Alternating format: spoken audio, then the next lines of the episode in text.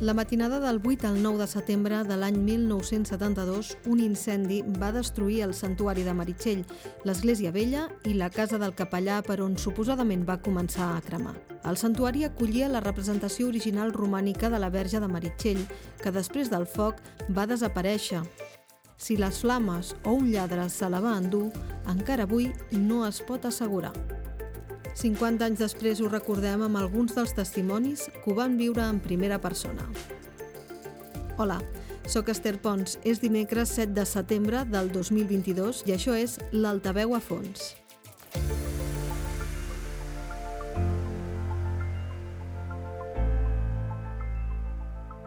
Per entendre què va passar aquella nit fa 50 anys, ens cal saber primer com era l'església que va cremar.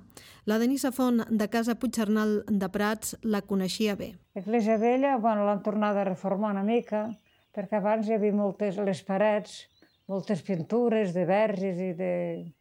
Era molt diferent. Hi havia... La verge era a dalt que pujaves per un cambril, que dius, pujaves per una escala, i a dalt l'adoraves i baixaves per l'altra escala i ara han tornat a fer una traversa, però no...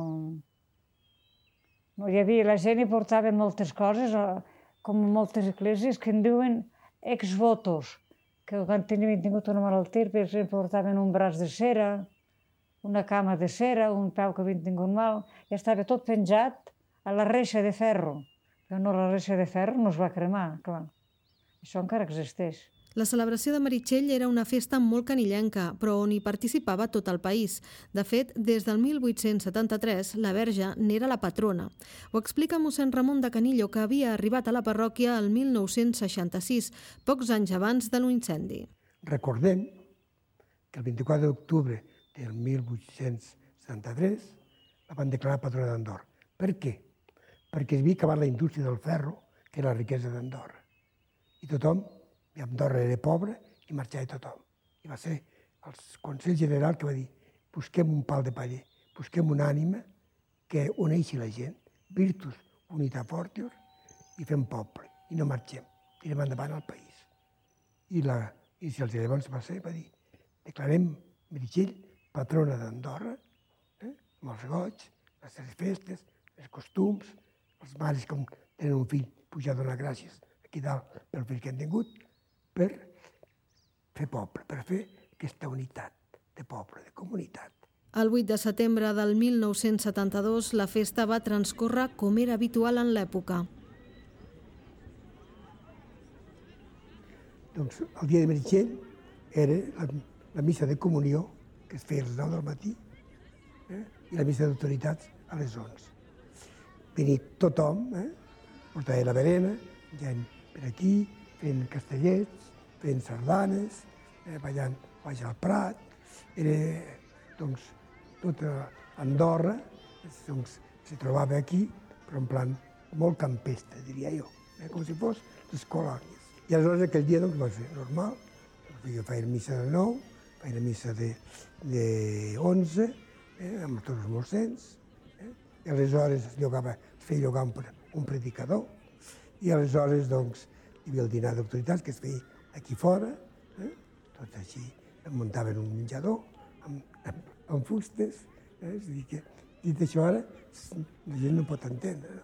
I, des, i bueno, havia una gran convivència. Després la, del dinar, a la tarda es feia el Sant Rosari i la gent posava ciris aquí a la, a la Mare de Déu, però també el ficava tot aquí fora. Eh? És a dir que... I jo m'estava aquí doncs, fins a les 11 de la nit. I vaig estar aquí fins a les 11 de i, el, i l'última visita que vaig tenir de grups eren els meus amics que havien anat d'excursió a l'illa, perquè això també passava, que passa avui, que ha que aprofiten Meritxell per anar doncs, d'excursió, ara van a la platja, llavors anar per els llacs, Andorra, no? o a la muntanya. I llavors baixaven i passaven per Meritxell, el que diuen aquella frase tan bonica dels andorrans, complien Meritxell. Llavors van venir els com, com companys, que en el grup del, del dijous, eh, el Beal, l'Agustí Font, el Fiter, tota aquesta colla, tant que ens reuníem cada setmana, em van venir aquí, doncs, dir bona nit, doncs el ciri, em van ajudar a pagar tots els ciris i jo vaig tancar la porta, ja a les 11 de la nit. Aquella va ser la darrera vegada que mossèn Ramon i els seus companys del grup dels dijous van veure sencera l'església vella, que al voltant de les dues de la matinada va començar a cremar. Dolors Cerqueda, de Casa Comet de Meritxell, tenia uns set anys quan tot allò va passar, però ho té ben fresc a la memòria. També mossèn Ramon. A la una al matí pujava gent de Soldeu que havien anat de festa i van veure que no cremava, i els dos cremaven tot, els altres que van pujar de festa. El meu pare eren els que en tenien la clau de l'església vella. Se'n cuidaven ells i després es van cuidar de la nova. I no sé si van trucar a la porta, tota aquesta jovent de, de soldeu que pujaven de Canillo, van trucar a casa dient que cremava. I els meus pares van sortir, la meva, la meva padrina i tots.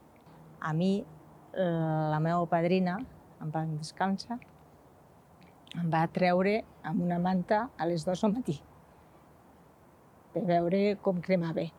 Jo encara estava doncs, allà al menjador, recordava la jornada, feliç de la jornada, quan uns joves de Canillo que van anar als, als focs d'artifici, eh? focs d'artifici a Andorra.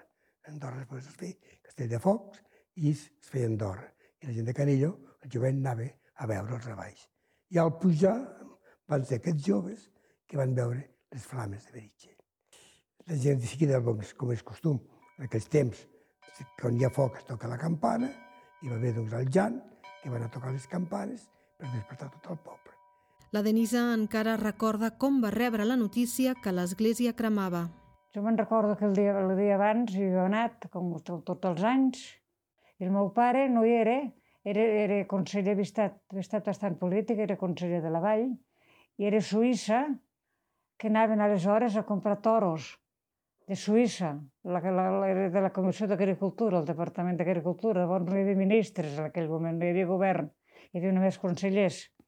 I allà a les dues del matí em va trucar, em va trucar algú a casa, que tenia un telèfon, i em diuen, mira, el santuari de Mercès s'està cremant. Diu, avisa a tots els veïns de per aquí, i sí, veïn avisar la gent, però diu, què farem? I volíem baixar amb la meva mare, una àvia meva, diu, no, no, no us mogueu de cara, no em deixeu sol aquí, ella...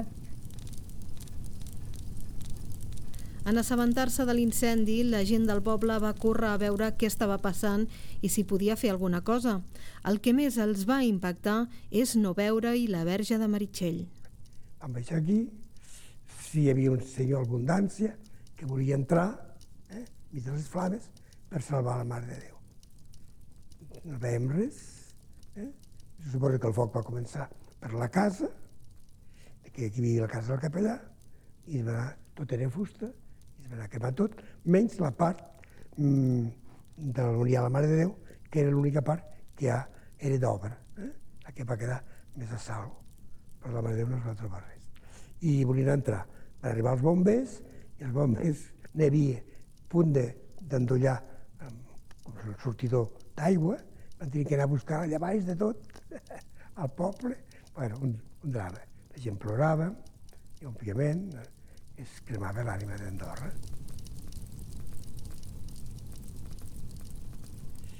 L'endemà jo al matí doncs, vam venir aquí, hi havia les autoritats, hi havia l'escuder, que era el síndic, em va consolar, mossèn, la Mare de Déu, vol una església més gran.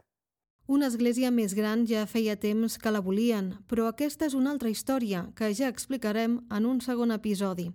El que ens ocupa en aquest és saber com van transcórrer els fets i l'endemà de l'incendi, autoritats i gent d'arreu d'Andorra van pujar a Meritxell per veure què hi havia passat.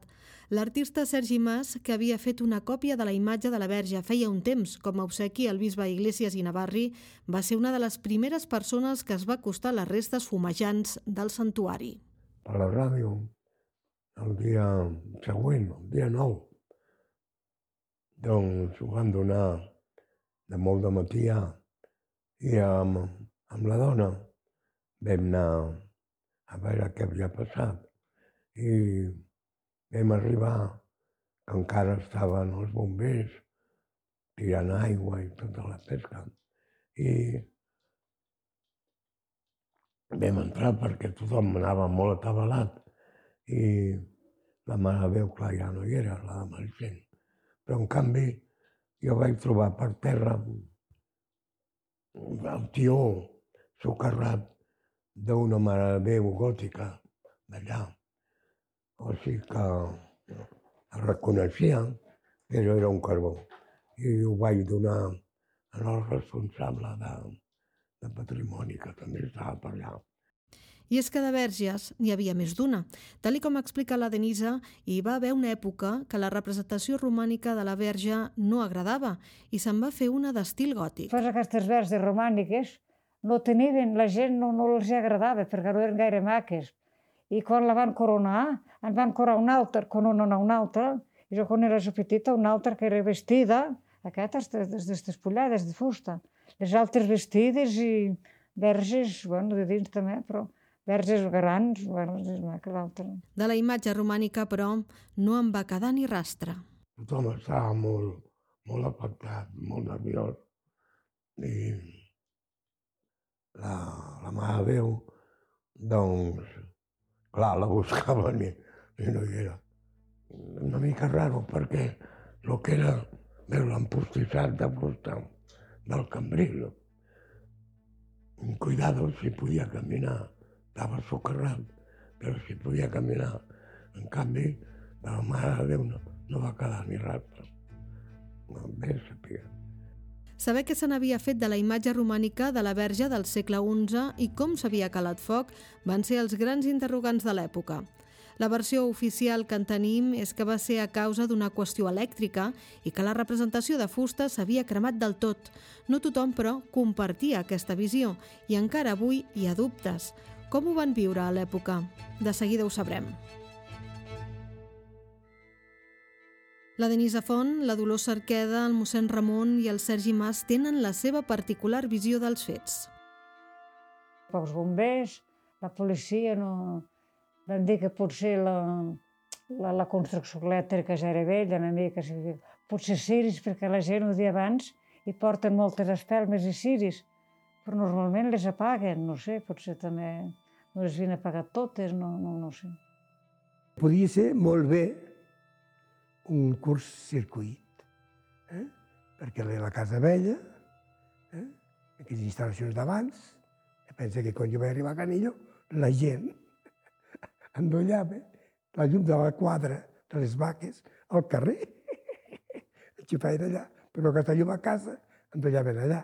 Doncs aquí també una instal·lació doncs, pèssima. Eh? Perquè és el que passa, no? és el monument nacional. El capellà anterior em deia, quan hi ha una gotera he de fer una carta i passa un mes perquè em contestin, saps? Quan ha passat per junta. Una cosa i l'altra es queixava de les goteres perquè li hagués d'arreglar. Saps? Doncs, imagina't, doncs, canviar tota la instal·lació elèctrica. Sé, diuen, eh? no, no hi vaig parlar, que van venir uns, a visitar aquí el Sant, el Sant Meritxell, i ho van dir, eh? penso que eren francesos, van dir que aquesta instal·lació és molt vella, eh? es, van, es van fixar en la instal·lació. Per esclarir com s'havia calat foc, fins i tot van demanar ajut als bombers de Barcelona. Jo personalment eh, ajudava al mossèn del Pas de la Casa, mossèn Armengol, que em vaig cuidar del Pas de la Casa 11 anys, i al Pas de la Casa venia a esquiar al cap de bombers de Barcelona. De veritat, i érem amics. Ell feia la missa a i li vaig dir, que m'agradaria saber, eh, doncs això. I aleshores, al cap d'un mes, la primera cosa que va voler és anar a veure tot el que havien recollit el, el Consell de Bigoverna, el Consell que estava al, cap, al, al capdamunt de Casa de la Vall, tot el que hi havia allà, eh, doncs, eh, a veure això, les restes que hi ha per analitzar. Inclús van demanar a Barcelona en el parc de bombers de Barcelona. Van pujar els tècnics i probablement va venir, si és que va ser casual, perquè la instal·lació elèctrica i d'aquells cables de cotó penjaven per allà de qualsevol manera i podria ser que hi hagués hagut un xispasso sense engués, perquè estava molt mal conservat, no sabia cuidar, estava, la qüestió elèctrica estava molt deficient. Podria ser, podria ser. El que semblava tenir més sentit, doncs, era un incendi causat per alguna fallada del sistema elèctric. No obstant això, l'altre misteri, saber què se n'havia fet de la verge, generava moltes més discrepàncies. Hi havia qui defensava que el foc havia estat provocat després de robar-la. Hi crec massa que la verge es cremés, eh? I normalment, si s'hagués cremat, hauria quedat un trosset, de, de, un, una mica de cendra, i no, no van trobar res, tampoc. Molta gent pensa que la van robar. Bueno, això no sé, no sé, no se sabrà mai si la van robar deguera ser algú que, que la algú en particular, potser. O... Deien que la verge mm, de la Nostra Senyora Meritxell tenia dos claus i no els van trobar, que potser deien la supòsit que l'haguessin robat i després van posar foc. I van buscar aquí aquell clau que unia la Mare de Déu amb el nen Jesús, entre carbons i cendres no es va trobar res. Escoltem que tots parlen d'uns claus i que poden ser determinants. Qui millor coneixia la Verge romànica i ens en pot parlar és Sergi Mas, que, com hem assenyalat abans, l'havia estudiat a fons per poder-ne fer una reproducció per regalar al bisbe. Una reproducció que, per cert, avui encara existeix i es troba al Col·legi Mare Gener. La Mare de Déu, l'autèntica romànica, estava feta no d'una peça, sinó com d'una cadira, d'una trona en miniatura de fusta, com un moble, amb la imatge assentada, el nen Jesús també era part. Vale. Llavors, la cadira aquesta estava fixada amb claus, claus de forja, uns claus que la cabota ja era així, per la part de sota, que es veien. I després, el nen Jesús també estava fixat a la imatge de la, de la Verge, també amb, amb, un, amb un clau fet bueno, de, de l'època, i tampoc es va trobar. Aquesta versió, però, la va refutar Pere Canturri, que era director del Servei d'Arqueologia del Consell General en aquell moment. Ho va deixar per escrit a una memòria sobre els fets. Podríem dir que és la versió oficial, allà indica que no eren sis els claus que tenia la imatge, sinó només un, i que no era de forja i, per tant, ben bé es podria haver confós amb qualsevol altre material que va quedar entre les runes. També apuntava com hipòtesi més factible de l'origen del foc el factor elèctric i indicava que era possible que alguns dels trossos de fusta cremats que s'havien trobat pertanyessin a la representació romànica de la Verge, Malgrat la versió oficial, la del robatori per a molts no va quedar del tot descartada. A l'època, per tot el Pirineu, hi corria una espècie d'especialista en, en robar l'art sacre romànic, si podia ser romànic i si no gòtic, que li deien l'Eric Lerruja. Aquest home, finalment, va acabar a la presó perquè va robar tantes d'imatges, de, de sagraris, etc etc. Realment el van atrapar i el van tancar, sembla que a Cádiz. I aquest home, de lo que havia robat, si li pagaven, ho tornava, com si ho vengués. Però s'ha intentat inclús anar-lo a veure, a veure si, si era ell, i ho nega, nega que, que fos ell. Eric Leroux, a qui fa referència Sergi Mas, és Eric el belga, que va morir l'any 2020. Abans, el 2013, quan ja havia sortit de la presó, va concedir una entrevista al periodista Andrés Luengo, que aleshores treballava al periòdic d'Andorra. En la conversa va assegurar que ell no havia robat la verge, però que no es podia descartar que ho hagués fet algú altre. Reproduïm un fragment d'aquesta entrevista publicada el 17 de gener del 2013 amb la col·laboració dels companys Alba Baró i Eduard Ros. La versió oficial diu que la talla es va cremar la nit funesta del 8 de setembre del 1972. Se la creu? No, el que crec és que la van vendre. M'entens? Però no li sembla molt aparatós, a banda d'arriscat, cremar una església per endur-se'n una talla? No és que ho sàpiga, però sí que hi ha hagut molts casos similars de peces que primer es venien i després es deia que havien estat robades o que s'havien cremat. Per quan creu vostè que s'hauria pogut col·locar al mercat? Per 35 o 40 milions de pessetes. una petita fortuna a l'època. Ja que en parlem, va ser vostè? No, no vaig ser jo. Si hagués sigut, tampoc no m'ho diria. Sí que li explicaria, perquè es tracta d'un delicte prescrit. Per tant, ja no m'importa parlar-ne.